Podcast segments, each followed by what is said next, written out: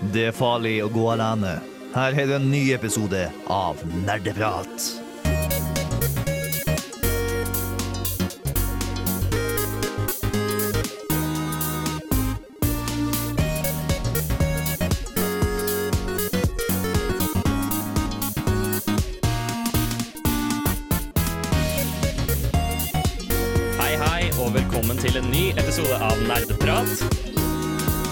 Hører, så er det da godeste meg, Håkon Sundby, som sitter i sjåførsetet. Eh, med meg i dag så har vi vår faste Tai. Hallo? Steinar. Hallo. Og så har vi med en liten gammel kjenning her i studio. Eh, dere som har hørt på Nerdeprat forrige semester, kjenner sikkert igjen, og tidligere enn det for så vidt, eh, kjenner sikkert igjen Tor Magnus. Hei, hei. Det er veldig hyggelig å ha deg her i studio i dag. hyggelig Idet vi skal snakke om indiespill. Og vi skal eh, snart snakke litt om hva vi har gjort siden sist.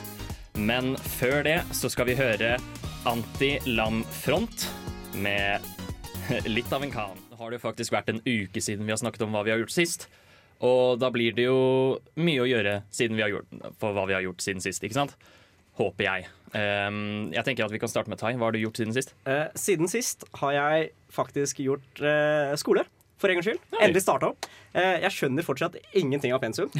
Eh, men eh, jeg er spent for å se hvor dette går, da. For hva er det du går igjen? Du, jeg går farmasi. Fjerde året nå. Hva innebærer det? Eh, ja, du, farmasi farmasi er litt vanskelig å forklare, men det er mesteparten legemidler. Det er de du møter på apoteket. Jeg har p-pillene til de du møter på byen. Og vi har mye rart ellers også. Så hvis vi ønsker Viagra, da, så er det deg vi går til. Det fra og med neste år så er det faktisk det, ja. Mm. Hvor langt har du kommet på studiet? Jeg er fjerdeåret, da, så jeg har jo eh, Jeg har en bachelor fra før, så jeg har lov å kalle meg reseptarfarmasøyt. Mm. Og fra og med mars-april, rundt der, tror jeg, så har Legemiddelverket godkjent uh, Viagra på reseptfri. Så kom innom, jeg har dere. Dæven. OK. Det er jo Det er faktisk kjekt å ha kontakter, tenker jeg, da. Ja da. Det, har du gjort noe annet? Uh, jeg har blitt skutt ned på Tinder. Eh. Telles det? Å, det er spennende. nei. Det vil jeg høre om. Eh, da, altså ikke at jeg er den mest populære kjekkasen på Tinder her, men eh, her eh, matcher jeg med en jente som jeg syns var veldig veldig søt. Sendte henne en melding, så unmatcha hun meg en halvtime etterpå. Bare, hva har jeg startet? Altså, ikke ta det vondt ment, det er Tinder. Det Ja, er bare ja. sånn appen fungerer, egentlig. Ja da, jeg kan eh, gråte når dere ikke hører på, da. Ja. Takk. takk. Og har vi Tor Magne som gir en liten klapp på skulderen til Tai for å trøste. Og det er jo bare rettferdig, tenker jeg. Stakkars kriger. Kriger. kriger. Um, hva med deg, Tor Magnus? Hva har du gjort siden sist? Det er en stund siden nå. Siden sist jeg var her. Veldig lenge siden. uh, jeg var jo med eh, i programmet forrige semester. Mm. Uh, slutta fordi jeg følte at min tid var på en måte over. Jeg hadde egentlig ikke tid, siden det, det er egentlig unnskyldningen. Jeg har ikke tid. Uh, men hva har jeg gjort siden sist? Uh, Gud. eh, jeg har spilt litt The Witcher 3. Oi. Ja. eh, Jeg er veldig stor fan av CD Projekt. Jeg gleder meg som en unge til Cyberpunk 2077 kommer ut. Yes. Um, men eh, jeg har ikke fått tid til å spille så mye, fordi det går mye i skole, eh, og jeg har jobb ved siden av. Eh, så jeg kjenner liksom at den tiden jeg ikke jobber eller er på skole, må jeg pugge og lese og gjøre kjedelige ting. Eh, så det har blitt en del mer ansvar eh, siden sist, for min del. Ja. Eh, men det er hyggelig å kunne komme hit og bare koble av litt. Uh, kjenne litt på hvordan det var før. Du er jo Eh, alltid velkommen her til Åh. oss. Kjære, gode venn. Jeg vet ikke hva jeg skal Kom det fra hjertet eller fra ræva? jeg, jeg vil ikke svare på det. Steinar, hva har du gjort siden sist? Um, jeg har spilt litt, grann, jeg har jobba mye, uh, så nå har jeg akkurat modda Ween min. Det er gjort litt homebrew, så jeg kan spille Zelda randomized. Så nå spiller jeg Wind Waker med randomized settings. Hva vil Selda randomize bety? Det betyr at alle itemsa mine er i tilfeldige kister. Eh, alle dungeonsa mine er tilfeldige. Eh, så alt er litt sånn Du krysser bare fingrene for at du får de riktige itemsa når du trenger det. Og hvis du ikke får det, så må det bare slette hele verden og begynne på nytt. Det er, u det er ikke, ikke snilt i det hele tatt. Ja, jeg husker jeg så en run, eh, en fyr som eh, tok typen speedrun av en Zelda Windwaker randomizer spesifikt, hvor eh, han fant Jeg tror han fant The Master Sword i en eller annen kiste i en random dungeon. Mm. Og så bare cruisa han gjennom hele spillet fordi han fant det såpass tidlig. Så det er veldig, veldig sært. Det er det jeg kaller rasshøl. Men betyr dette, at, betyr dette at du kan på en måte gå inn i døra til uh, en av de siste templene, og så er det et helt annet tempel der? Liksom, eller? Ja, det stemmer. Det betyr at Hvis jeg går inn i Dragon Roost Island, så er jeg plutselig på, uh, i skogtempelet. liksom Å, så forvirrende. Ja, det er kjempeubehagelig. Og du må huske da hvor de forskjellige templene er. korresponderer. Så det er sånn, fuck, Hvor var det jævla ildtempelet egentlig? Da, da, det jeg lurer på da er, Hvor langt har du kommet før du måtte starte på nytt? Eh, jeg, kom, jeg fikk åpna alle eh, dungeons utenom da jeg tenkte hammeren. Den der, jeg kan ta itemen heter, for det er såpass lenge siden jeg har spilt. Skullhammer. Ja, Skullhammer. Den fikk jeg aldri tak i. Så det var sånn, ok, Jeg får ikke åpna siste Fairy Fountain. Jeg får ikke starta Wind Temple. Faen. Slett alt. Bruk to dager. Begynn på nytt. Fy dæven. Nei. Uh, jeg jeg syns randomizers er veldig gøy. Um, det er noe som anbefales for deg, godeste Tor Magnus, og det er, uh, det er en ting på internett som heter Dark Souls Randomizer. Hva er internett? Um, det er denne lille plassen hvor du kan finne egentlig hva som helst på. Okay. Så En boks med magi. ja. um, Dark Souls Randomizer? Dark Souls Randomizer, hvor uh, alle bossene og alle fiendene er bare satt på helt forskjellige steder. Så jeg husker eh, jeg tok en liten runde av det eh, hvor jeg kom meg til Ornstein and Smoe. Og da jeg hadde drept en av de, så ble den andre til eh, Seath the Scaleless. Oh, Så, første eller andre formen? Eh, første, så det gikk ikke an å Ja, drepe han. nei, riktig. Så Ok. det er veldig, veldig wacky og veldig, veldig gøy. Um, jeg, jeg kan gå, kjapt gå gjennom hva jeg har gjort siden sist. Sure. Um, for det meste så har jeg egentlig bare slappa av, hengt med venner. Men når jeg har hatt tid, så har jeg um, spilt litt spill. Og jeg har spilt spesifikt uh, Pokémon Mystery Dungeon. Oh. Fordi jeg har en liten sånn ferd gjennom de gamle spillene for å sjekke om de er så bra som jeg husket. Fordi det er over ti år siden jeg har spilt alle de spillene. Jeg har aldri spilt Pokémon Dungeon-spilla. Å si, hva, hva går det ut på? Er det liksom en dungeon crawler, bare at du kan fange Pokémon? Det er en dungeon crawler, bare at du er Pokémon. Å, OK! Ja. Du, du starter med å ta en quiz hvor du skal på en måte, som avgjør hvilken Pokémon du blir. ok Uh, og det er veldig mange du kan bli, så du kan liksom ta samme quizen flere ganger og bli vidt forskjellig Pokémon. Og så våkner du som en Pokémon, og så nå skal du gå på eventyr og bli venn med masse Pokémon. Mens det er en liten sånn plotline som egentlig ikke er så omfattende, men lenge siden jeg spilte det selv, så jeg vet ikke hvor godt det har vokst med tiden. Men, uh, Ja. Eh, nei, jeg merka jo det at de spillene er greie, Jo, for å si det på den måten. De er eh, litt underveldende og litt repetitive og litt kjedelige til tider. altså, har du spilt The Witcher 3 og Dark Souls, så kan jeg liksom ikke gå tilbake dit og kose meg lenger. Sant? Etter jeg hadde tatt det steget, så var det ingenting som målte seg. Sant? Trenger en Ja, utfordring. det er som å gå fra kaffe til heroin. Det, det, ja. Men, hva, hæ, hva slags sammenligning er det? hva, hva, hæ? Hva slags sammenligning er det? Nei, ingenting. Hvilken kommentar har farmasøyten til det her? Mm. Uh, har du prøvd uh, kokain? Gud, er det Ja, OK. Um, med det så tenker jeg at vi skal gå videre til å snakke litt om indiespill, og da definisjonen av hva et indiespill er. Før det så skal vi få masse sol. Du lytter fremdeles til Nerdeprat, spillmagasinet på Radio Revolt. Og nå skal vi gå over til temadelen, altså Indie Games. Eh, Tai, du har satt deg litt inn i nettopp dette, og jeg håper at du kan gi oss et, lite bilde av hva det vil si å være et indie-game, eller hva det vil si å lage et indie-game. Eh, skal vi se. Eh, fra det jeg fant, da, så var det faktisk ikke noe fast definisjon på det her. Eh, men nå har jeg vært så flink og sett litt på Wikipedia, så da leser jeg bare rett fra det jeg har skrevet ned her. Eh, Indie-spill er spill som er laget av mindre grupper, og som ikke har den finansielle støtten fra en publisher, eller som får støtte fra en publisher som ikke påvirker spillutvikleren på noen kreativ måte. Eh, ja, så går det videre og sier at uh, ja, det har egentlig ikke noen fast definisjon, bare at så lenge det er ikke triple A-game, hvis du vet hva det er, eh, så er det ikke Så er det et indie-game. Det er, det er hovedsakelig studio som står alene for å lage spillet. I bunn og grunn, Du er et independent studio, derav indie-tittelen. Ja, ja, jeg tror det er der det kommer fra. Ja, in- Independent. Det står vel for Independent Developer, Yes. så uavhengig utvikler. Mm. Ja. Det, det, det visste ikke jeg før nå, så da lærte man noe nytt. Ja. Um, så fact of the day. U- u- Utgangspunktet her da er rett og slett hvis man skulle tatt det i forhold til jeg vet ikke, entreprenørskap og bedriften og gründerens verden, så er det et enkeltmannsforetak som Mm. lager et lite videospill. Men det, er, det, er, det er ikke nødvendigvis et enkeltmannsforetak. Det kan jo være små team også. Og så Ja. er det jo sånn at uh, det sto sånn For eksempel hvis du ser på uh, Supergiant Games. De hadde jo lagd uh, De hadde jo fått støtte fra Eller støtte til å publishe spillet fra WB, eh, Warner Bros.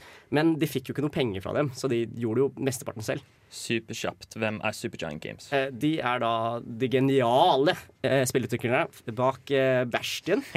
Eh, hva, hva mer, da? Eh, Transistor. Transistor. Og så er det eh, Pyre. til og Ja, Pyre. Riktig. Mm. Um, ja. Nydelig spillutvikler. Eh, hva var det jeg skulle si? Jo, det var um, jeg, jeg er veldig med på hele den derre triple A-greia. Det virker som at der, de Så lenge de ikke har en som publiserer spillet deres, så telles de som en indie-tittel. Og er det ikke sånn? Det, det, det stemmer jo ikke helt, det heller. Fordi eh, som sagt, Supergiant Games igjen, de hadde jo støtte fra Warner Bros. til, Ja, å, det det til å publishe spillet. Men da Warner Bros. tilbydde dem penger, så takka de nei. Fordi de ville at det skulle være de, skulle, de ville ha hele den kreative kontrollen selv, ikke sant.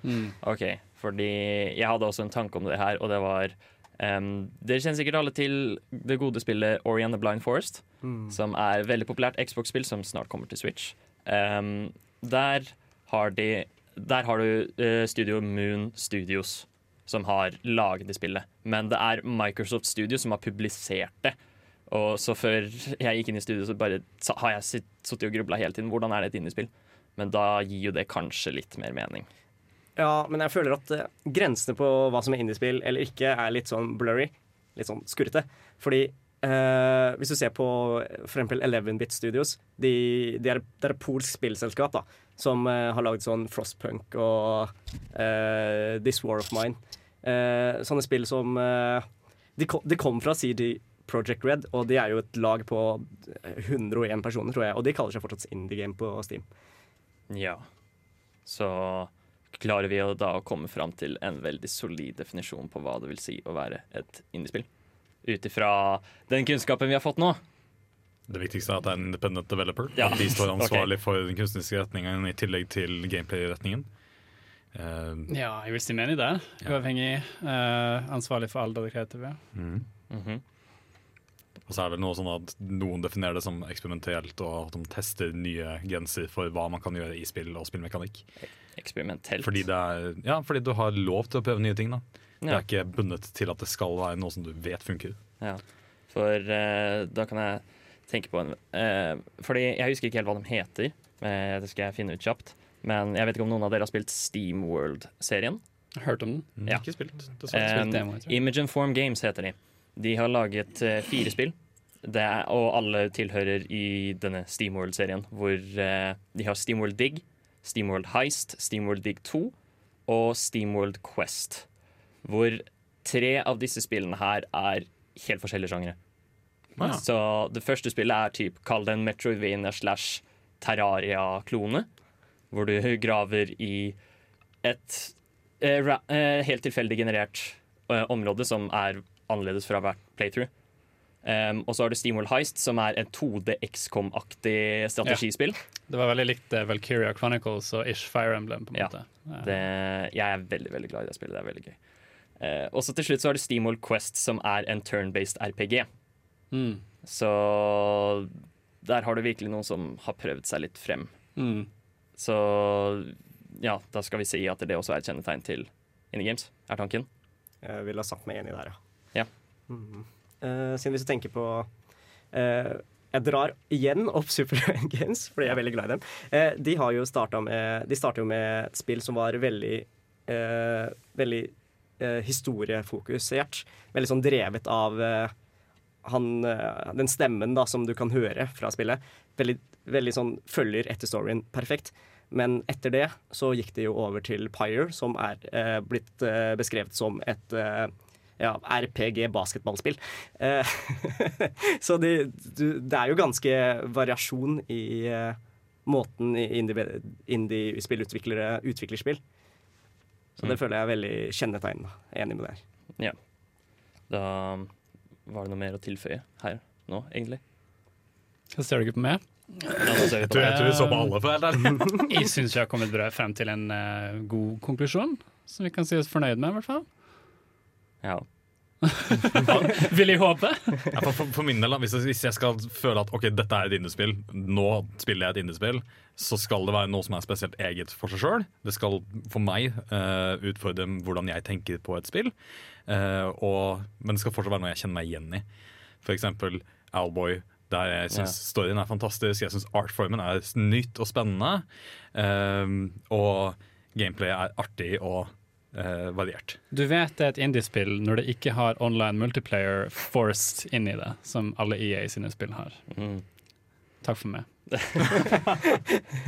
Men uh, ut ifra den logikken, hvordan Hvis du tar f.eks. Shovel Knight, Ja. eh, som er veldig tradisjonell 2D-plattformer hva, Jeg vet ikke om de utfordrer så mange baner her. De har veldig god level design, og det er jo et independent studio, men de prøver jo ikke å la Jeg vet ikke, utfordre sånn veldig. De samlet jo på en måte alle de beste delene av de gamle eh, 2D-retrospillene som vi har likt, sant? Eh, kontra eh, Mighty Number Seven, eller hva det heter. Mighty Number Nine. Mighty Number Nine, som prøvde å gjøre det samme, men endte opp med å på en måte bare bli en, en litt dårlig replika av Megaman. Ja. Eh, så hvis, hvis det noen gang skal snakke om nostalgi, i hvert fall, så har Shovel Knight gjort seg veldig bra ut ved å ta liksom bare de gode delene ja. av det som var gammelt. Ja. Men eh, Vet du hva, det er veldig fint. Jeg syns vi har kommet fram til en ganske solid konklusjon på det. definisjonen, i hvert fall. Eh, og vi skal straks snakke, gå litt mer inn i dybden på developers og utviklere innenfor indiespillene. Før det så skal du få skyskraper. Ja, du lytter fremdeles til Nerdeprat, spillmagasinet på Radio Revolt, og vi snakker fremdeles om indie games. Og nå skal vi snakke om indie games, spillutviklere og for så vidt utviklingsprosessen generelt. Eh, fordi Kjennetegnet på indie games er jo gjerne at du har én stakkars eller flere stakkars, kanskje opptil fem eller noe sånt, eh, mennesker som bare ligger i Som sitter i kjelleren til mor og utvikler spill. Eh, og gråter sånn fire ganger hver måned, eller hva det er. Vil jeg tippe. Hver gang en regning kommer på døra, Ja, så føler man at livet passerer i revy. For eh, det, det er jo en prosess å utvikle et spill. Så det blir jo gjerne litt stressende for enkelte mennesker. Tidkrevende, dyrt, forventninger, Ja. deadlines. Ja. Eh, mitt favoritteksempel er jo godeste eh, Hva heter han? Em, Phil Fish, som utviklet Fess. Eh, om, eh, anbefaler veldig å se Indie Game The Movie. yes. Utrolig Flott dokumentar. flott dokumentar. Eh, og så har du Phil Fish, som eh, står som et nydelig kontrast der hvor han snakker om at han truer med å drepe seg selv hvis spillet ikke går bra. Ja, Han er litt hardcore der, ja. Mm. Men han hadde jo masse problemer fordi han hadde en samarbeidspartner som skulle claime rettigheter til deler av spillet og sånn, og ikke la det bli lansert og hele pakka. Det var en stor krangelgreie. Jeg synes husker i hvert fall det var en del av Indie Game The Movie. At det var to mennesker, og så var det en stor låsut-krangel. Men hvorfor ville han ikke at uh, spillet skulle bli lansert? Uh, Kreative difference, holdt jeg på å si. Uh, Folk var uenige i hvordan spillet skulle utvikles og hvordan, hvilken vei spillet gikk. Mm. Sånn jeg forsto det. Jeg husker jeg, var, jeg, jeg gikk jo et år på folkehøyskole hvor jeg studerte spillestein. Eh, og da dro vi en liten tur til England, eh, hvor vi fikk vært på en konferanse der det var eh, mange spillutviklere som snakka. En av dem var annet spillutvikleren til Dare Esther. Eh, jeg vet ikke om dere kjenner til Dare Esther? Det har jeg faktisk ikke spilt. Ikke Det er et spill som har blitt brukt veldig lang tid på å utvikles. Eh, noen vil ikke egentlig kalle det et spill, fordi det er bare en verden du kan gå inn i og følge sporene etter noen som har vært der. Det er en sånn øy hvor du starter på en båt, og så skal du eh, følge sporene opp til et fyrtårn eller noe sånt. Og du følger liksom historien til det som skjedde med Esther eller et eller annet. Eh, veldig liksom tomt, egentlig, men fortsatt fylt med liv, på en måte. Som om du er alene på en fjord eh, ute i eh, Norgesfjorden, liksom. Noe sånt. Eh, hvis dere da kan relatere litt til følelsen. Eh, og det er et spill som han brukte veldig lang tid på å få ut. Eh, han fortalte liksom om jeg tror det var tre år med slit og strev. Eh, og han liksom sto der og delte denne historien, eh, og så hadde han gjort det om til eh, at folk kunne på en måte fylle på selv etter hvert. Eh, jeg vet ikke hva det kalles, open source? Ja, open source. Eh, ja, At alle, kan alle kan ta tak i det, og alle Ja. kan lære seg koden. Eh, så det ble på en måte hans barn som han har på en måte bare gitt til resten av gamerne, som de kunne på en måte ta over og fortsette å fylle på. Jeg vet ikke hvordan det går med det i dag, men, men det var inspirerende å stå der og høre på det da, liksom. Eh, Mm. Så ja, det, det slit og streve er sant. Ja, vi får håpe det går bra med de nå. ja, det er lenge siden nå, Ja. Eh, så mm, jeg satser på det. Ja. Eh, nevnte ikke du også et studio i stad som hadde, hadde noen ganske gripende historier angående Ja, hvis du tenker på Supergiant Games Ja. eh, nå, nå har de fjerna About Us-siden på nettsiden deres, så jeg finner ikke det igjen. da Men fra det jeg mener å huske, eh, så fikk de Så hadde de eh, Han eh, hoved... Ja, developeren deres eh, jobba egentlig på, hos EA. Så fikk han med seg en kollega, og så slutta de. Og så begynte de å develope et spill. da. Eh, og da fikk de et hus fra pappa. Så det er ikke alle som eh, bor i kjelleren hos, eh, hos moren sin. Eh, men eh, de fikk barndomshuset. Og så fikk han med seg en kompis fra barndommen, så begynte de bare å lage et spill. da. Eh, ifølge Jeg husker ikke hvor jeg har det fra, men det var visst ganske dramatisk. Fordi eh, da det, det gikk konkurs på et eller annet punkt. Ifølge det jeg husker. Eh, så er det sånn at eh, da var det sånn de, de, sånn, de var sånn i fem måneder hvor de bare ikke hadde nok til å spise eller betale regninger. Så Da slet de seg gjennom, og så gikk det bra på et eller annet vis til slutt. Og så tok de ut noen lån, og det tok ut noen lån, og så var det at eh, var det at eh, hvis spillet ikke gikk bra, så kunne de bare gi opp. Hva jeg prøvde å komme fram til, da. På livet, liksom. Uh, nei, nei, for, forhåpentligvis ikke. Nei. Men på spillkarrieren. Fordi å, å gi opp er liksom Nei. veldig sånn ambiguous. Nei, nei, nei. De skulle gi opp på uh, å starte spillstudio om uh, det ikke gikk bra. Så planen var at eh, de måtte gjøre det da, og de måtte få det til på første forsøk. Siden ellers så måtte de eh, Eller hvis de ikke fikk det til, da, så var de såpass unge at de fortsatt kunne få seg en karriere innen spillutvikling, mente faren deres. Og det var det han eh, det var det han gjorde eh, Det er derfor han ga bort huset til barnet sitt. da Ja. Og som du ser, så lønte det seg jo veldig for dem. Jeg er utrolig imponert av disse utviklerne som får det her til. Se på Bastion og se på Transistor og se på Pyre. Det er alle store spill. Se på Fess. Selv om han var en drittsekk og alt det der, så gikk jo det superfint. Eh, han han snakka jo også om at han nekta å lage Fest 2. At han bare skulle ta pengene og løpe. Men, eh, så, men, men han fikk i hvert fall til det én gang, så han skal ha for det. Og veldig mange av disse indiespillene har jo også blitt veldig, veldig store. Og det skal vi snakke om eh, etter hvert. Det skal vi snakke om etter en liten låt. Vi skal først høre Og vi skal gå litt inn på type indiespill som ble helt enorme. Fordi av og til så slår man veldig, veldig an med et av disse indiespillene, og så blir det bare enormt. For en svær Jeg vil ikke kalle det cold following engang. Det blir mainstream. Og vi, vi har jo eksempler sånn som det, det mest åpenbare er jo faktisk verdens mest populære spill, Minecraft. Som eh, fremdeles i dag er selger som bare F. Markus Ja. Persson som bare satt i kjelleren og lagde et blokk av spill, Lego-klone, og solgte det for sinnssyke mengder penger til Microsoft. Ja. Jeg tror jeg leste 2,5 billion. Eh, Jeg vet ikke hva engelske billions blir, men det er nok penger til å aldri jobbe igjen. i hvert fall. Ja. Em, det jeg lurer på, er kla hvordan klarer disse spillene å bli så store? Ta for eksempel om du tar Minecraft. Hvor, hvor, hvorfor ble Minecraft så ufattelig stort? Det, jeg føler at Minecraft er en litt spesiell situasjon, eh, fordi du kan lage ditt eget spill i hele spillet. Du kan gjøre hva du vil i Minecraft. Det er et never ending game. Det har ikke en mål eller en mening med mindre du lager en mål eller meningen selv. Eh, som betyr at du kan spille den uendelig gang uten å gå lei. Det er det ultimate sandkassespillet. Ja. Eh, det trenger ikke noe plott. Nå har det fått nye spill som har liksom story mode og sånn, men, men du kan fint ha det standalone uten plott i det hele tatt. Og folk bygger jo utrolig fantastiske ting der. Eh, det er jo liksom servere på, på nettet som er dedikert til å lage svære liksom life size, real size ting av I don't know, uh, Starship Enterprise Ja, ja, ja. fra Star Trek. Altså mye utrolig kult og detaljerte skulpturer som folk lager. Og det er utrolig kult å se. Jeg tror det har litt med saken også at eh, det var utrolig lett å pirate for min del. Siden de, de, de gjorde jo ingenting for å stoppe deg, med mindre du hadde lyst til å spille online. Og for, eh, som liten ja, Hvor gammel var vi igjen? Jeg var ti-tolv. Tolvåring. Veldig lett å få tak i det spillet, da. Altså Når du hadde råd, så kjøpte man det. Altså, og det gjør det jo veldig lett tilgjengelig. Sånn type sånn Fortnite der nå. De, de ble jo så store fordi det er ja, gratis, ville jeg ha sagt. Men Jeg føler også at det er et sånt spill som alltid kan backes av foreldre. Foreldre som er redde for hva spill gjør med unga sine. Gi dem Minecraft, så er det basically det samme som å gi dem Lego-sett. Og la Ja. dem bare holde på i timer og timer og bruke kreativiteten Det er sin. så bra for kreativiteten. Ja, ikke sant? Jeg syns det er et spill du kan bruke til læring også. Ja. Um, et annet uh, indiespill som jeg også veldig gjerne vil snakke om når vi snakker om uh, at det bare tok av helt og ble enormt, er Undertale.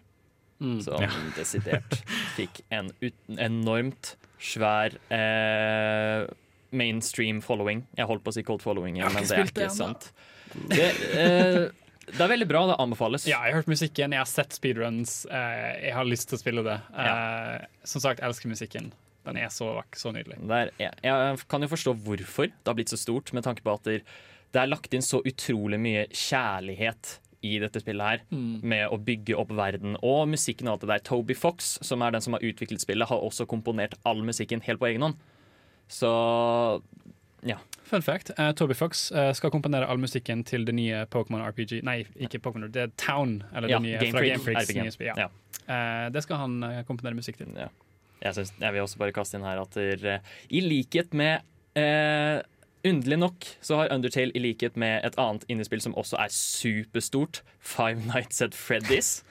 Eh, utrolig Kult. mye fanart på sider som hva heter en DeviantArt og Ja. lignende.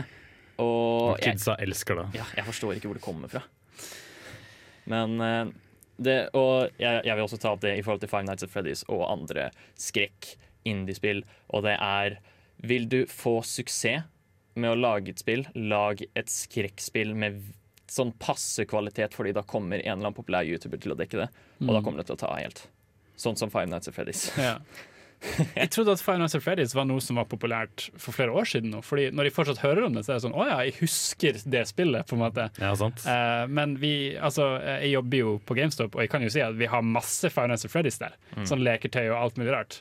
Og det er rart å se det i dag, liksom. Men, men tydeligvis er det populært enda. Ja, det, jeg vet ikke om han er ferdig med å utvikle spill ennå. Han har Har han ikke sånn har 1, 2, lag- 3, 4 og 5? De har vel sagt at de er ferdig med main storyen, sånn jeg forstår det. Men han blir aldri ferdig. Det har han sagt før òg. Main storyen. Ja, han, han, Ja, for han publiserte Ja, vel et nytt spill lang år. historie. Ja, for Poenget er at det er en lang historie som følger spillet gjennom. Du kan begynne med det ene spillet og så fortsette å lære mer om verden, Five Nights at Freddy's og hva er det som egentlig skjedde med kidsa og sånn. Jeg har sett litt for mye på Game Theory. Ja, I know. Én sånn basically dekker. Men føler dere at Føler dere at det er bare fordi det er sensasjonelt å spille Five Nights at Freddy's at det er blitt så stort? Eller er det faktisk at storyen er interessant? Tror det er litt begge deler, for helt ærlig. Fordi det har en stor following med eller en masse mennesker som er interessert i storyen og prøver å finne ut mysteriet rundt eh, hvordan disse mekaniske monstrene spiser deg, holdt jeg på å si, eller suger ut sjela di, som er det som er nyeste nåværende teori. Men jeg, jeg skjønner ikke hvor folk finner storyen hen. Fordi Da jeg spilte det, var alt jeg lot merke til det svære jævla monsteret som var i trynet mitt.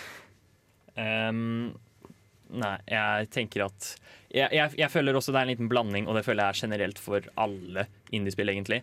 Du, om du tar eksempler sånn som uh, Undertale eller Shovel Knight eller Super Meatboy eller noe der, det er bare så mye kjærlighet lagt inn at det er enormt kvalitet på spillene. Og derfor blir de populære fordi de er bra spill. Men så har du også Five Nights at Freddy's hvor eh, Jeg har spilt det selv, jeg syns ikke det er noe særlig. Sammen med Slenderman. Det også er jo ikke noe særlig sånn egentlig. Men uh, det er veldig stort fordi folk syns det er gøy. Jeg tror det er spill som gir reaksjoner, og derfor blir det stort også. Ja. Det er lett å få reaksjoner. Ja, det er et veldig godt poeng. Eh, vi skal straks snakke om våre favoritt-indie-titler, men før det så skal du få Honningbarna. Med Nå skal vi snakke om våre favoritt-indie-titler. Um, det er jo vilt mange forskjellige indie-titler der ute, så jeg håper at vi kan få et litt hvitt utvalg her. Um, og jeg tenker jeg bare skal eh, kaste ordet til en eller annen. Så bare får vi se her nå. Steinar, du kan ta den. Å gud, vi ble pekt på! Ja. Tja Indie-titler. Akkurat nå spiller jeg Jeg vet ikke, jeg, Du som også spiller Risk of Ja. Rain Time. Eh, Går det som et indie-spill? Er det Independent Studio? Det kan jeg søke opp veldig kjapt. Du, jeg ville definert det der som definitivt et indie-game.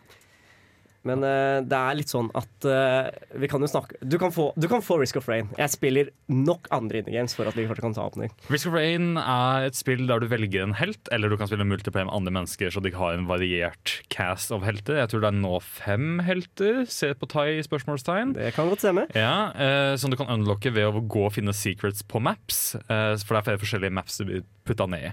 Og så er det waves of enemies. Det kommer masse masse fiender du må prøve å skyte og dø, drepe, før du selv dør.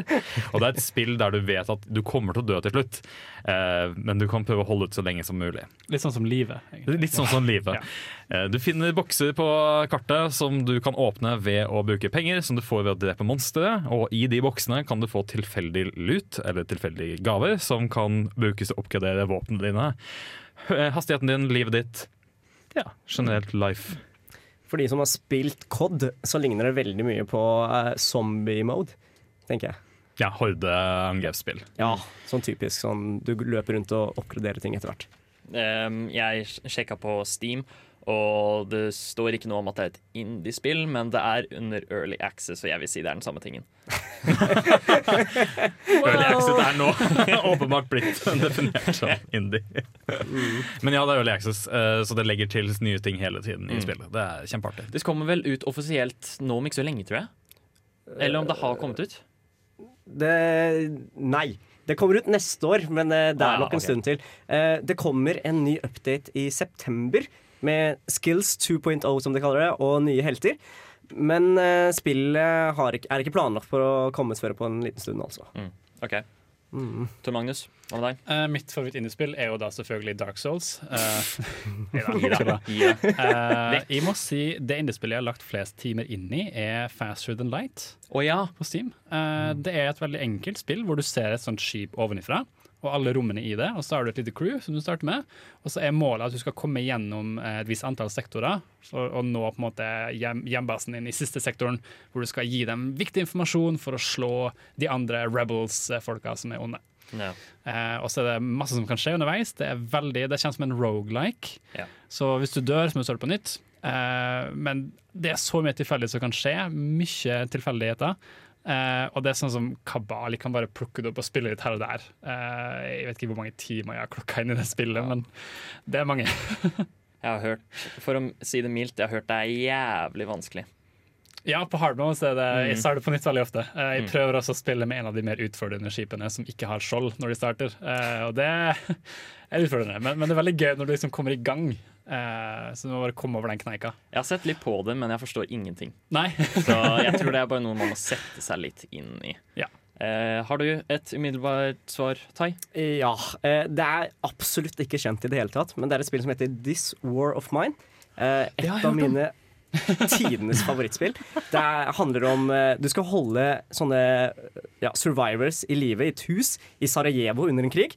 Eh, så skal du reise rundt og samle inn eh, ressurser da, fra nabobygg, nabobyer, naboområder. Da, siden hele byen er blitt eh, putta under angrep. Så hvis du, ikke, hvis du ikke greier det, så dør folka dine.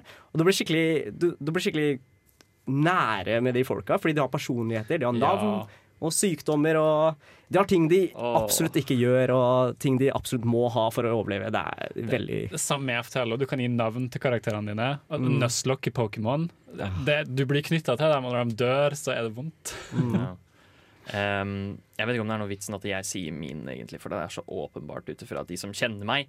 Må Og det er jo at det, min er jo åpenbart Hollow Night, som er eh, Jeg vil nesten kalle Hollow Night eh, den solide definisjonen og det alle som lager Metroidvania-spill burde basere seg rundt på. For de som ikke vet, så er Hollow Night et spill hvor du styrer en liten sånn insektting som går rundt i et svært rike av insekter som bare har liksom dødd ut, og du skal prøve å finne ut hvorfor.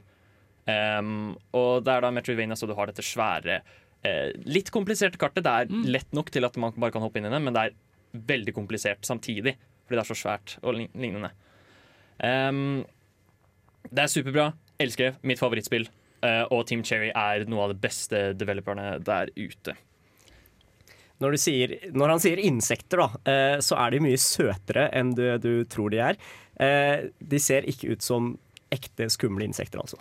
Ja. Så der fikk du våre favoritt-indie-titler. Og vi skal straks si adjø, men før det så skal du få Nervous Jerk Men. Da var vi ferdig for i dag. Em, vi har snakket mye om innspill, og jeg føler vi har hatt en fin prat om det. The end. Jeg, visste, jeg vet ikke helt hvor jeg skulle med dette. Um, som kjapt så kan jeg med, uh, informere om at på WorkWork så skal det være kulturnatt i morgen. Det vil altså si at de skal snakke litt om e-sport. Jeg vet ikke helt hva det innebærer, men hvis du er interessert i det, så er det noe å sjekke ut. I tillegg så har min gode venn eh, Magnus Sandvold informert meg om at der, eh, vi skal ha At det skal være en Smash-turnering på lørdag. Eh, jeg tror det er oppe på Gløs. eh, hvor det er en pengepris involvert. Så hvis du føler du er god i Smash, så er det verdt å kanskje delta. Utenom det, så Jeg har vært Håkon. Jeg har vært deg. Eh, og takk til Cecilie på teknikk. Og du har Steinar og Tor Magnus, og vi sier adjø. Ha det bra. Du lytter til Radio Revolt, studentradioen i Trondheim. Vi er en del av studentmediene i Trondheim AS, og ansvarlig redaktør er Håkon Pedersen.